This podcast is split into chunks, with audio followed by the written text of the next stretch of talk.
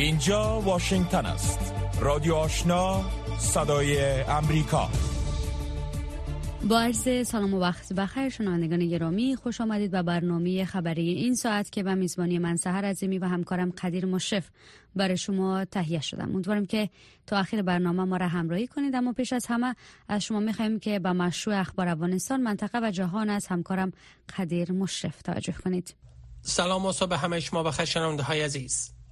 مچو ملر سخنگوی وزارت خارجه امریکا در کنفرانس خبری روز سهشنبه 13 فوریه پرتاب آزمایشی میزایل بالستیک را توسط سپاه پاسداران و عملکرد گروه های نیابتی جمهوری اسلامی را در تصمیمات منطقه‌ای امریکا به تاثیر خواند. ملر گفت که اگر قصد حکومت ایران از پرتاب آزمایشی میزایل بالستیک تحت فشار قرار دادن امریکا برای پایان دادن به جنگ اسرائیل و حماس است باید بداند که این اقدامات هیچ تاثیر در تصمیم گیری های ایالات متحده نخواهد داشت. سخنگوی وزارت خارجه امریکا افزود که حکومت به رهبری بایدن در هر صورت می‌خواهد درگیری میان اسرائیل و حماس هر چه زودتر پایان یابد تا وضعیت دشوار فلسطینی های غیر نظامی بهبود پیدا کند. مقامات امریکا، مصر، اسرائیل و قطر روز سهشنبه 13 فوریه در قاهره درباره آتش بس در غزه مذاکره کردند. این نشست در شرایط برگزار شد که درخواست های بین از اسرائیل برای خودداری از حمله بر شهر رفح در جنوب نوار غزه افزایش یافته است. با گزارش خبرگزاری رویترز در حال حاضر بیش از یک میلیون غیر نظامی آواره به رفح پناه آوردند و بسیاری از آنها در اردوگاه ها و پناهگاه های موقت زندگی می کنند. این فلسطینی ها از هنگام آغاز جنگ میان اسرائیل و حماس برای گریز از حملات اسرائیل از سایر مناطق نوار غزه راهی رفح شدند.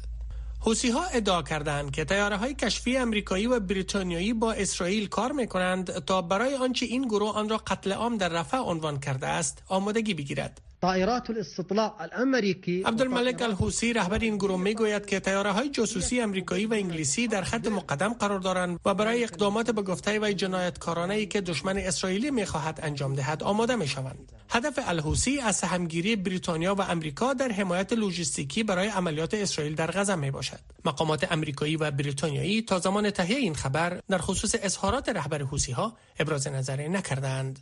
فرانسه از سهشنبه 13 فوریه از وضع تذیرات بر 28 شهرک نشین افراطی اسرائیلی خبر داد.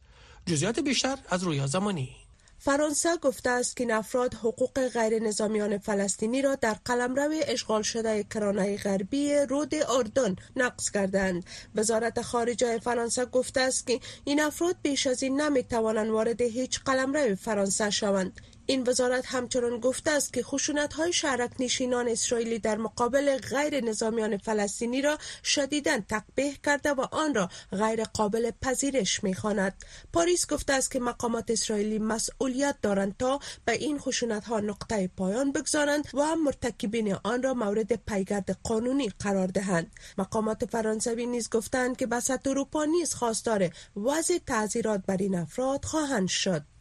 ادامه خبرهای منطقه و جهان را از رادیو آشنا میشنوید. جو بایدن رئیس جمهوری ایالات متحده سه شنبه سوم فوریه گفت که اظهارات دونالد ترامپ مبنی بر زیر سوال بردن تعهدات ایالات متحده در دفاع از متحدین ناتو این کشور از حملات خطرناک و غیر امریکایی بود. جزئیات بیشتر از خالد مفتون. بایدن گفت که این اظهارات رئیس جمهوری پیشین امریکا ترس جدیدی را در بین شرکای ایالات متحده در مورد قابل اعتماد بودن این کشور در صحنه جهانی ایجاد کرده است. ترامپ روز سهشنبه در گرد همایی انتخاباتی در ایالت کارولینای جنوبی گفت که به متحدان ناتو هشدار داده است که اگر هزینه کافی را برای مصارف دفاعیشان تخصیص ندهند روسیه را ترغیب خواهد کرد تا ارانچی می‌خواهد انجام دهد. رئیس جمهور بایدن افزود که تمام جهان این اظهارات را شنید و بدترین چیز این است که ترامپ آن را می‌خواهد. رئیس جمهور ایالات متحده گفت که ترامپ درک نمی کند که تعهد مقدسی را که داده ایم برای ایالات متحده نیز مفید است.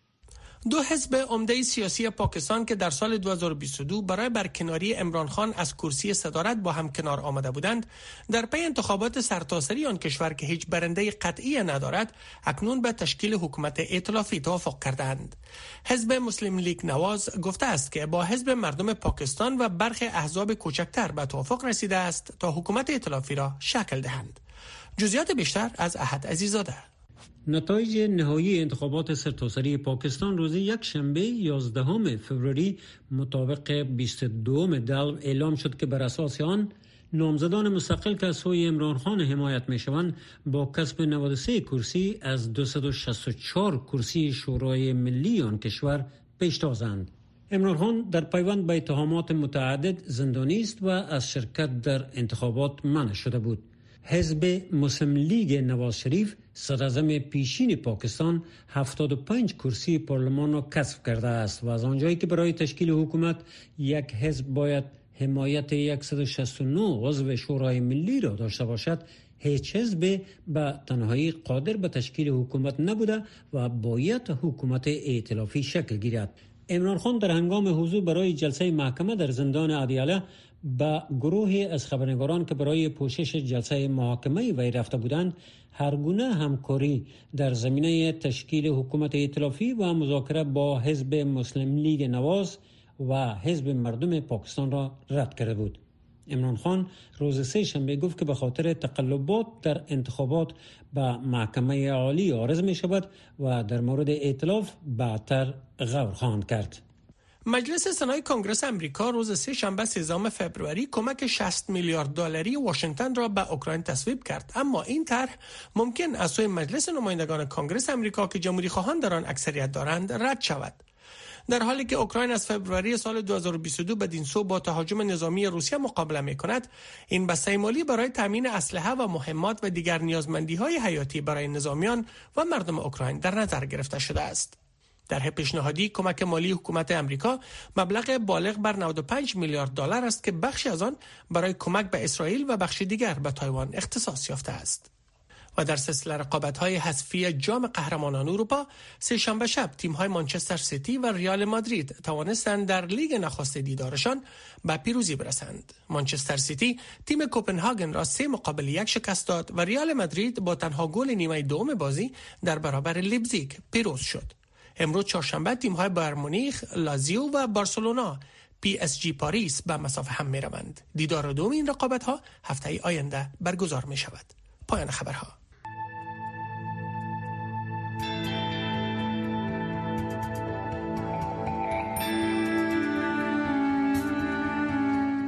صبح را با رادیو آشنا آغاز کنید. و حالا می رسیم به بخش گزارش های این ساعت کارشناسان میگن که جنگ اسرائیل و حماس خطرناکترین جنگ برای رسانه ها در تاریخ اخیر است. خبرنگاران غزه می‌گویند رقم بزرگ تلفات گزارش های آنها را حیاتی می سازد اما با ادامه جنگ و افزایش تعداد خبرنگاران کشته شده توانایی آنها برای ارائه اخبار به سرعت در حال کاهش است. گزارش صدای آمریکا را از نجیبه خلیل بشنوید. بسیاری از خبرنگاران در غزه اکنون در رفح نزدیک سرحد مصر زندگی می کنند. جایی که از زمان آغاز جنگ در ماه اکتبر جمعیت آن بیش از پنج برابر افزایش یافته است. و همزمان با حرکت نیروهای مسلح اسرائیل به سمت جنوب ساکنان غزه همچنان به رفح فرار می کنند. خبرنگاران در اینجا می‌گویند هر گزارشی را که ارائه می دارند می تواند آخرین گزارش آنها باشد. به همین ترتیب رفتن به بازار برای یافتن غذا به شفاخانه برای جستجوی عزیزان مفقود شده مجروح یا مرده یا حتی خوابیدن هر شب. معتصم مرتجا می‌گوید. وضعیت در غزه بسیار سخت بوده و پوشش خبری غزه هم بسیار مشکل است. احتمال دارد که یک خبرنگار با پخش هر خبر یا تصویر کشته شود. در طول چهار ماه جنگ در غزه بیشترین تعداد خبرنگاران در تاریخ اخیر کشته شدهاند. کمیته حفاظت از خبرنگاران از کشته شدن 85 خبرنگار گزارش می دهد در حالی که سازمان ملل متحد می گوید 122 تن کشته شده. اما خبرنگاران غزه می گویند 130 خبرنگار تا حال کشته شده. معتصم مرتجام خبرنگار غزه می‌گوید. من خلال انه یعنی محدود ساختن خبرنگاران و کاهش قدرت ذهنی آنان می تواند مانع ارائه مسلکی اخبار آنان گردد. اما وقتی یک خبرنگار را می کشند عزم ما برای ارائه مداوم گزارش و حقیقت نیز افزایش می یابد در داخل غزه خبرنگاران می‌گویند توانایی آنها برای ارائه اخبار به سرعت در حال کاهش است. اسلام ایزانون خبرنگار تلویزیون فلسطین می‌گوید این جنگ از هر جهت علیه خبرنگاران و تمام جامعه است رژیم اشغالگر اسرائیل اغلب ارتباطات را به عنوان بخشی از حملات خود قطع می کند و توانمندی ما را برای کسب اطلاعات از هر جاهایی که مجبور به فرار از آن در شمال هستیم کاهش می دهد. حکومت اسرائیل بارها گفته است که خبرنگاران یا غیر نظامیان دیگر را هدف قرار نمی دهد. ادعایی که گروه های حقوق بین الملل و خبرنگاران فلسطینی آن را رد می کنند.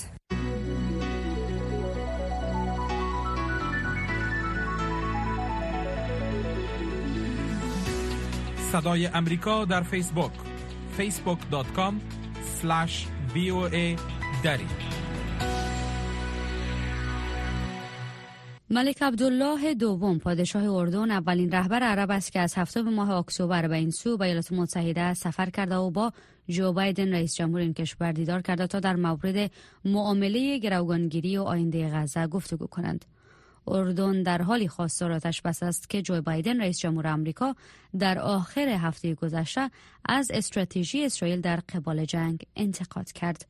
انیتا خبرنگار صدای آمریکا از قصر سفید در این مورد گزارش دارد که برگردان آن را فرخنده پیمانی تقدیم می کند. تصاویر صحنه های از شهر رفح در جنوب غزه را نشان می دهد که نیروهای اسرائیلی صبح روز دوشنبه با آن حمله کردند و دو گروگان را که از زمان حمله حماس در هفتم اکتبر به اسرائیل بازداشت شده بودند نجات دادند در نتیجه این حمله 67 نفر را کشتند و تعداد بیشماری را نیز مجروح کردند حدود 1.5 میلیون فلسطینی در این شهر پناه آوردند که افزایش پنج برابری جمعیت آن را از زمان آغاز جنگ تا اکنون نشان می دهد. جو بایدن رئیس جمهور امریکا و عبدالله دوم پادشاه اردن روز دوشنبه توافق کردند که به تلاش ها برای آزادی گروگان ها جریان کمک های بشردوستانه به غزه ادامه می دهند اما موقف گیری آنها در مورد عملیات رفع متفاوت بود. رئیس جمهور بایدن هشدار آخر هفته خود را بار دیگر به صدر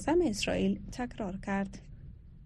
عملیات نظامی بزرگ در رفح نباید بدون یک طرح و پلان معتبر طرح معتبر برای تضمین امنیت و حمایت بیش از یک میلیون نفر که در آنجا پناه گرفتند ادامه پیدا کند. آنان باید محافظت شوند و ما از ابتدا با وضاحت گفته ایم که ما مخالف هر گونه جابجایی یا بیجا شدن اجباری فلسطینی ها از غزه هستیم. اما ملک عبدالله صریحتر گفت ما نمی توانیم حمله اسرائیل را بر رفح تحمل کنیم. واضح است که فاجعه بشری دیگری به بار خواهد آورد. ما حالا به یک آتشبس پایدار نیاز داریم. این جنگ باید خاتمه یابد. با این حال بنیامین نتانیاهو صدر اسرائیل روز یکشنبه گفت کسانی که می‌گویند تحت هیچ شرایطی ما نباید وارد رفح شویم اساسا می‌گویند که ما جنگ را ببازیم. از زمان آغاز جنگ در غزه حمایت جو بایدن از اسرائیل حالا به زیر سوال بردن اقدامات آن تبدیل شده است. هفته گذشته او اقدامات نظامی اسرائیل در غزه را بیش از حد توصیف کرد. اما قصر سفید از موضوع آتش بس عقب نشینی کرده و به جای آن روز دوشنبه در مورد معامله گروگانگیری صحبت می کند که ممکن منجر به توقف شش هفتهی جنگ میان دو طرف شود. جان کربی مشاور ارتباطات امنیت ملی قصر سفید می گوید یک مکس بشر دوستانه توقف طولانی تر طولانی تر از آنچه ما در ماه نوامبر گذشته برای یک هفته دیدیم به ما امکان این را می دهد که همه گروگان ها را بیرون کنیم و کمک های بشری را دریافت کنیم. و پس از آن امیدوار هستیم که به گفتگوها میان دو طرف منجر شود و ما را به پایان این درگیری نزدیک تر سازد. مقامات نهادهای خیریه بشری می‌گویند که این مرحله جدید درگیری در رفح وحشتناک است. روینا شمداسانی سخنگوی کمیشنری عالی حقوق بشر سازمان ملل متحد نگران وضعیت است. تعداد بسیار بالایی از غیر نظامیان عمدتا کودکان و زنان احتمالا کشته یا زخمی خواهند شد. ما نسبت به اقدامات که ناقص قوانین جنگ شمرده می شوند هشدار داده ایم چشمانداز این چنین عملیات در رفح خطر جنایات ظالمانه بیشتر را به همراه دارد. دنیا نباید اجازه دهد این اتفاق رخ دهد. حماس که توسط ایالات متحده یک گروه تروریستی شناخته می شود حمله هفتم اکتبر به اسرائیل را آغاز کردند که منجر به کشته شدن 1200 نفر گردیده و در نهایت منجر به جنگ جاری گردید. این گروه عملیات در رفح را نسل کشی خواندند. در همین حال هیچ پایانی برای رنج مردم غزه دیدن نمی شود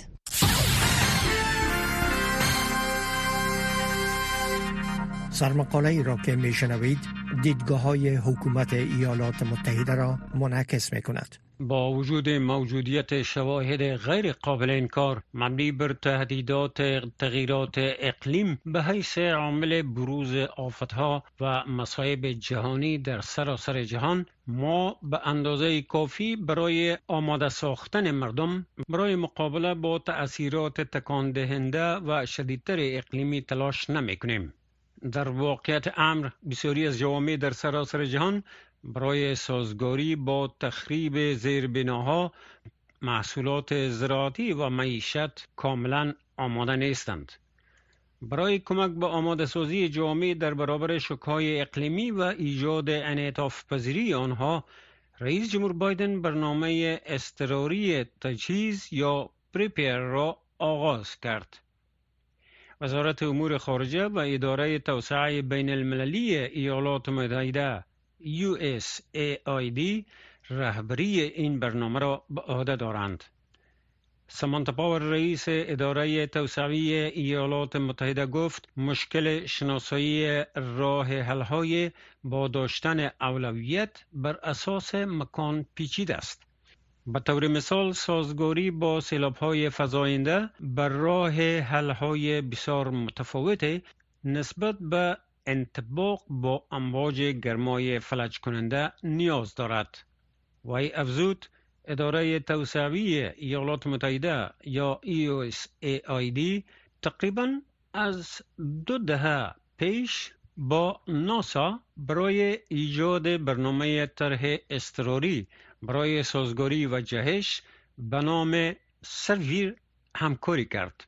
این برنامه به کشورها کمک می کند تا خطرات بسیار خاصی را که تغییرات شدید آب و هوا برای آنها به همراه دارد درک کنند.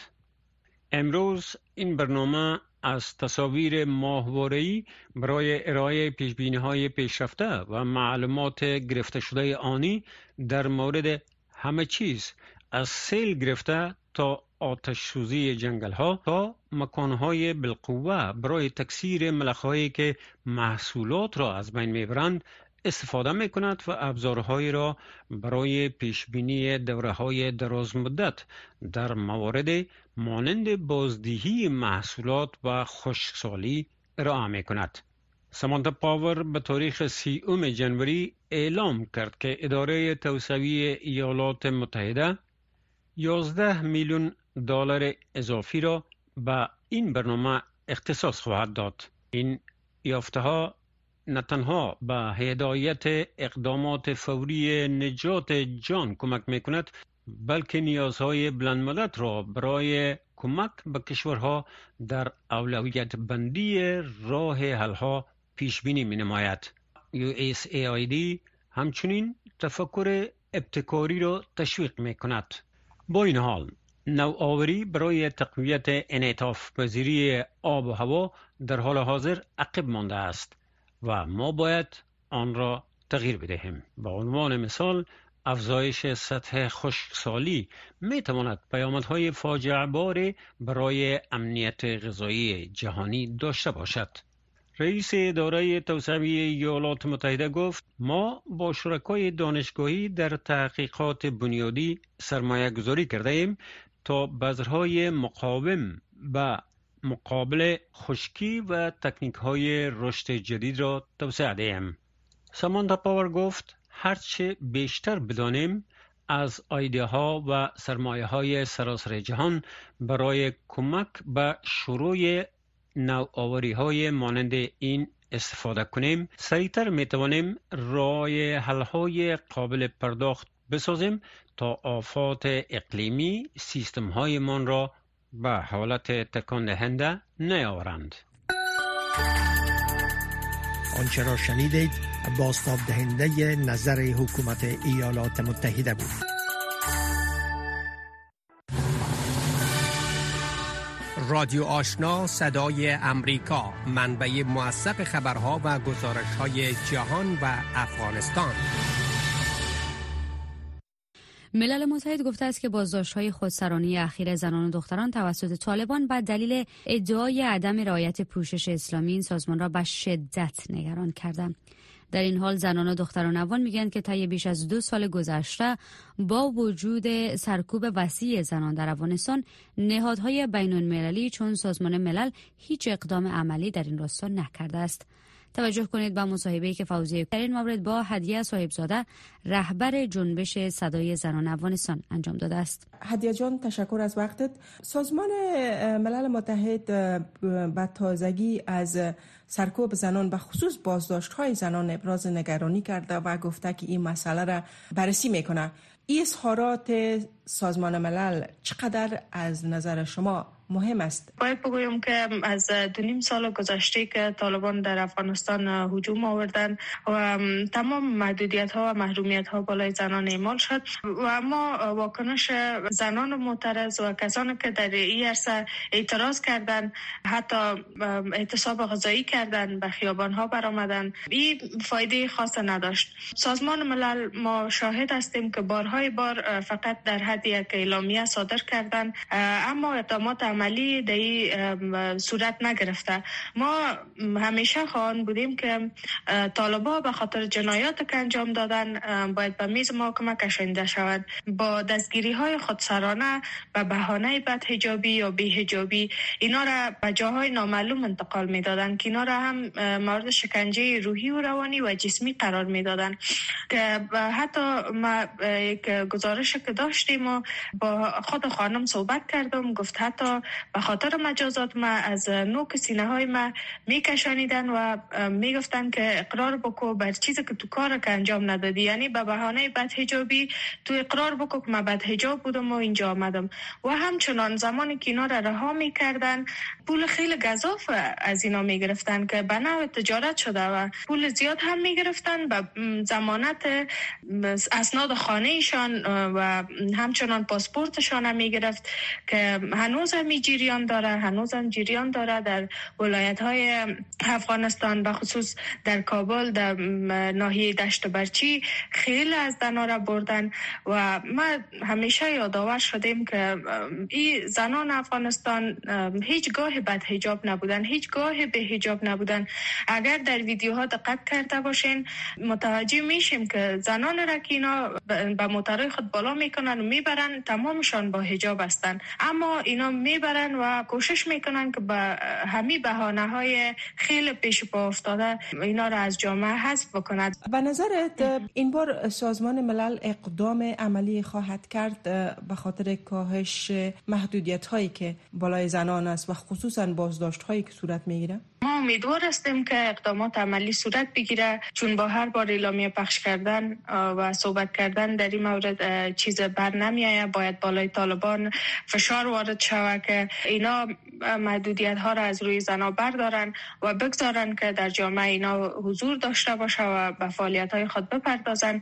اقدامات عملی سازمان ملل یکی از مهمترین کارهایی است که باید اینا در افغانستان انجام بدن. شما گفتین سازمان ملل اقدامات عملی نکرده. صداهای زنان افغان در بیشتر از دو سال درست نشنیده. به نظر چرا سازمان ملل اقدامات عملی تا کنون نکرده در این مورد؟ خب موضوع مهم هم همی است. ببینین در نشست در می سازمان ملل حضور نماینده های بیشترین کشورها حضور دارند در اینجا که اینا بنابر منافع شخصی خودشان و همچنان منافع خود امریکا فقط در حد یک اعلامیه یا در حد یک صحبت طالبان را تقبیه می‌کنه یا کارشان یعنی میگه باید این کار انجام نتن. چون منافع خودشان در میان است اینا نمی‌خواین که همین جنبه عملی بپوشانند در حالی که یک به میلیون ها انسان در افغانستان امروز تلف میشه. اما اینا فقط به فکر منافع خود و به فکر امو سیاست های بین المللی خود هستند قرار است کنفرانس در مورد افغانستان در دوحه برگزار شود که شما در جریان هستین. خواست شما از برگزار کننده های ساز... این نشست که سازمان ملل در اساس چیست؟ یگانه خواست ما همی است که در افغانستان یک کلا یک حکومت تشکیل شود که همه شمول باشه بپذیره زن بپذیره اقلیت ها را بپذیره زبان ها نژاد ها و تبعیض در اونجا حضور وجود نداشته باشه. هر انسان هم من حیث یک انسان بشناسه رادیو آشنا صدای امریکا. پنج تا هفت صبح و هفت شام تا ده شب. تازه ترین خبرها و گزارش ها ملل متحد می‌گوید که این سازمان در مورد بازداشت های خودسرانی اخیر زنان و دختران توسط طالبان به دلیل ادعای عدم رعایت حجاب اسلامی به شدت نگران است و تاکید کرده که برای همه بسیار مهم است. تا مطمئن شوند که مصیبت زنان و دختران افغان فراموش نمی شود. در همین حال جان کربی مشاور ارتباطات امنیت ملی قصر سفید گفته است که هیچ گونه تلاشی از سوی حکومت امریکا برای بر رسمیت شناختن طالبان یا هم عادی سازی این موضوع وجود ندارد. محمد احمدی شرح بیشتر را در این گزارش به توجه می رساند. ستیون دوجارک سخنگوی منشی عمومی سازمان ملل متحد روز دوشنبه در نیویورک به خبرنگاران گفت که هیئت معاونت این سازمان در افغانستان یونما بیم دارد که سرکوبی فعلی طالبان زنان را به دلیل ترس از بازداشت خودسرانه به انزوای بیشتری سوق می‌دهد و محیط مساعد برای مردان جهت اعمال اقدامات سرکوبگرانه در خانه را ایجاد می کند. هیئت سازمان ملل متحد در افغانستان در حال بررسی اتهامات مربوط به بدرفتاری و بازداشت غیرقانونی زنان و دختران افغان توسط طالبان است و به نظر می رسد که جوامع اقلیت های مذهبی و قومی به طور نامتناسبی از چنین سرکوب ها توسط طالبان متاثر شدند. به گفته سخنگوی منشی عمومی ملل متحد یونما این موضوعات را با مقامات طالبان از جمله وزارت امر به معروف و نهی از منکر طالبان در میان گذاشته و خواهان آزادی فوری همه زنان و دخترانی شده است که در بازداشت به سر می‌برند دوجاریک تاکید کرد که برای همه بسیار مهم است مطمئن شوند که مصیبت زنان و دختران افغان فراموش نمی شود.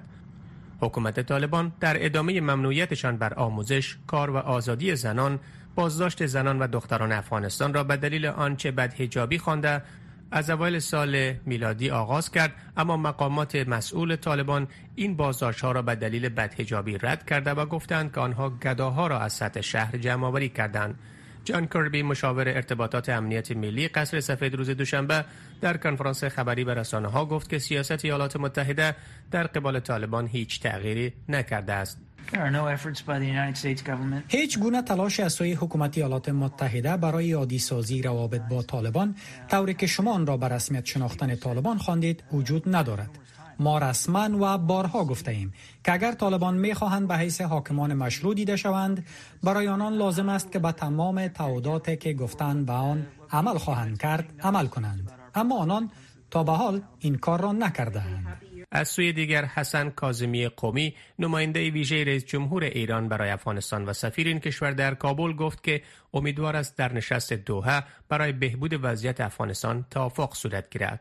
او با اشاره به برگزاری نشست گروه تماس منطقی که اخیرا در کابل برگزار شد افزود امروز مساله و منافع افغانستان گره خورده با مساله کشورهای منطقه و همسایگان است بر این اساس امیدواریم که در نشست دوحه که با حضور جمهوری اسلامی ایران برگزار خواهد شد گفتگوهای سازنده و توافقات خوب صورت گیرد و به بهبود وضعیت افغانستان کمک کند قرار است دومین نشست مشورتی سازمان ملل متحد درباره افغانستان به تاریخ 18 و 19 فوریه در دوحه پایتخت قطر برگزار شود.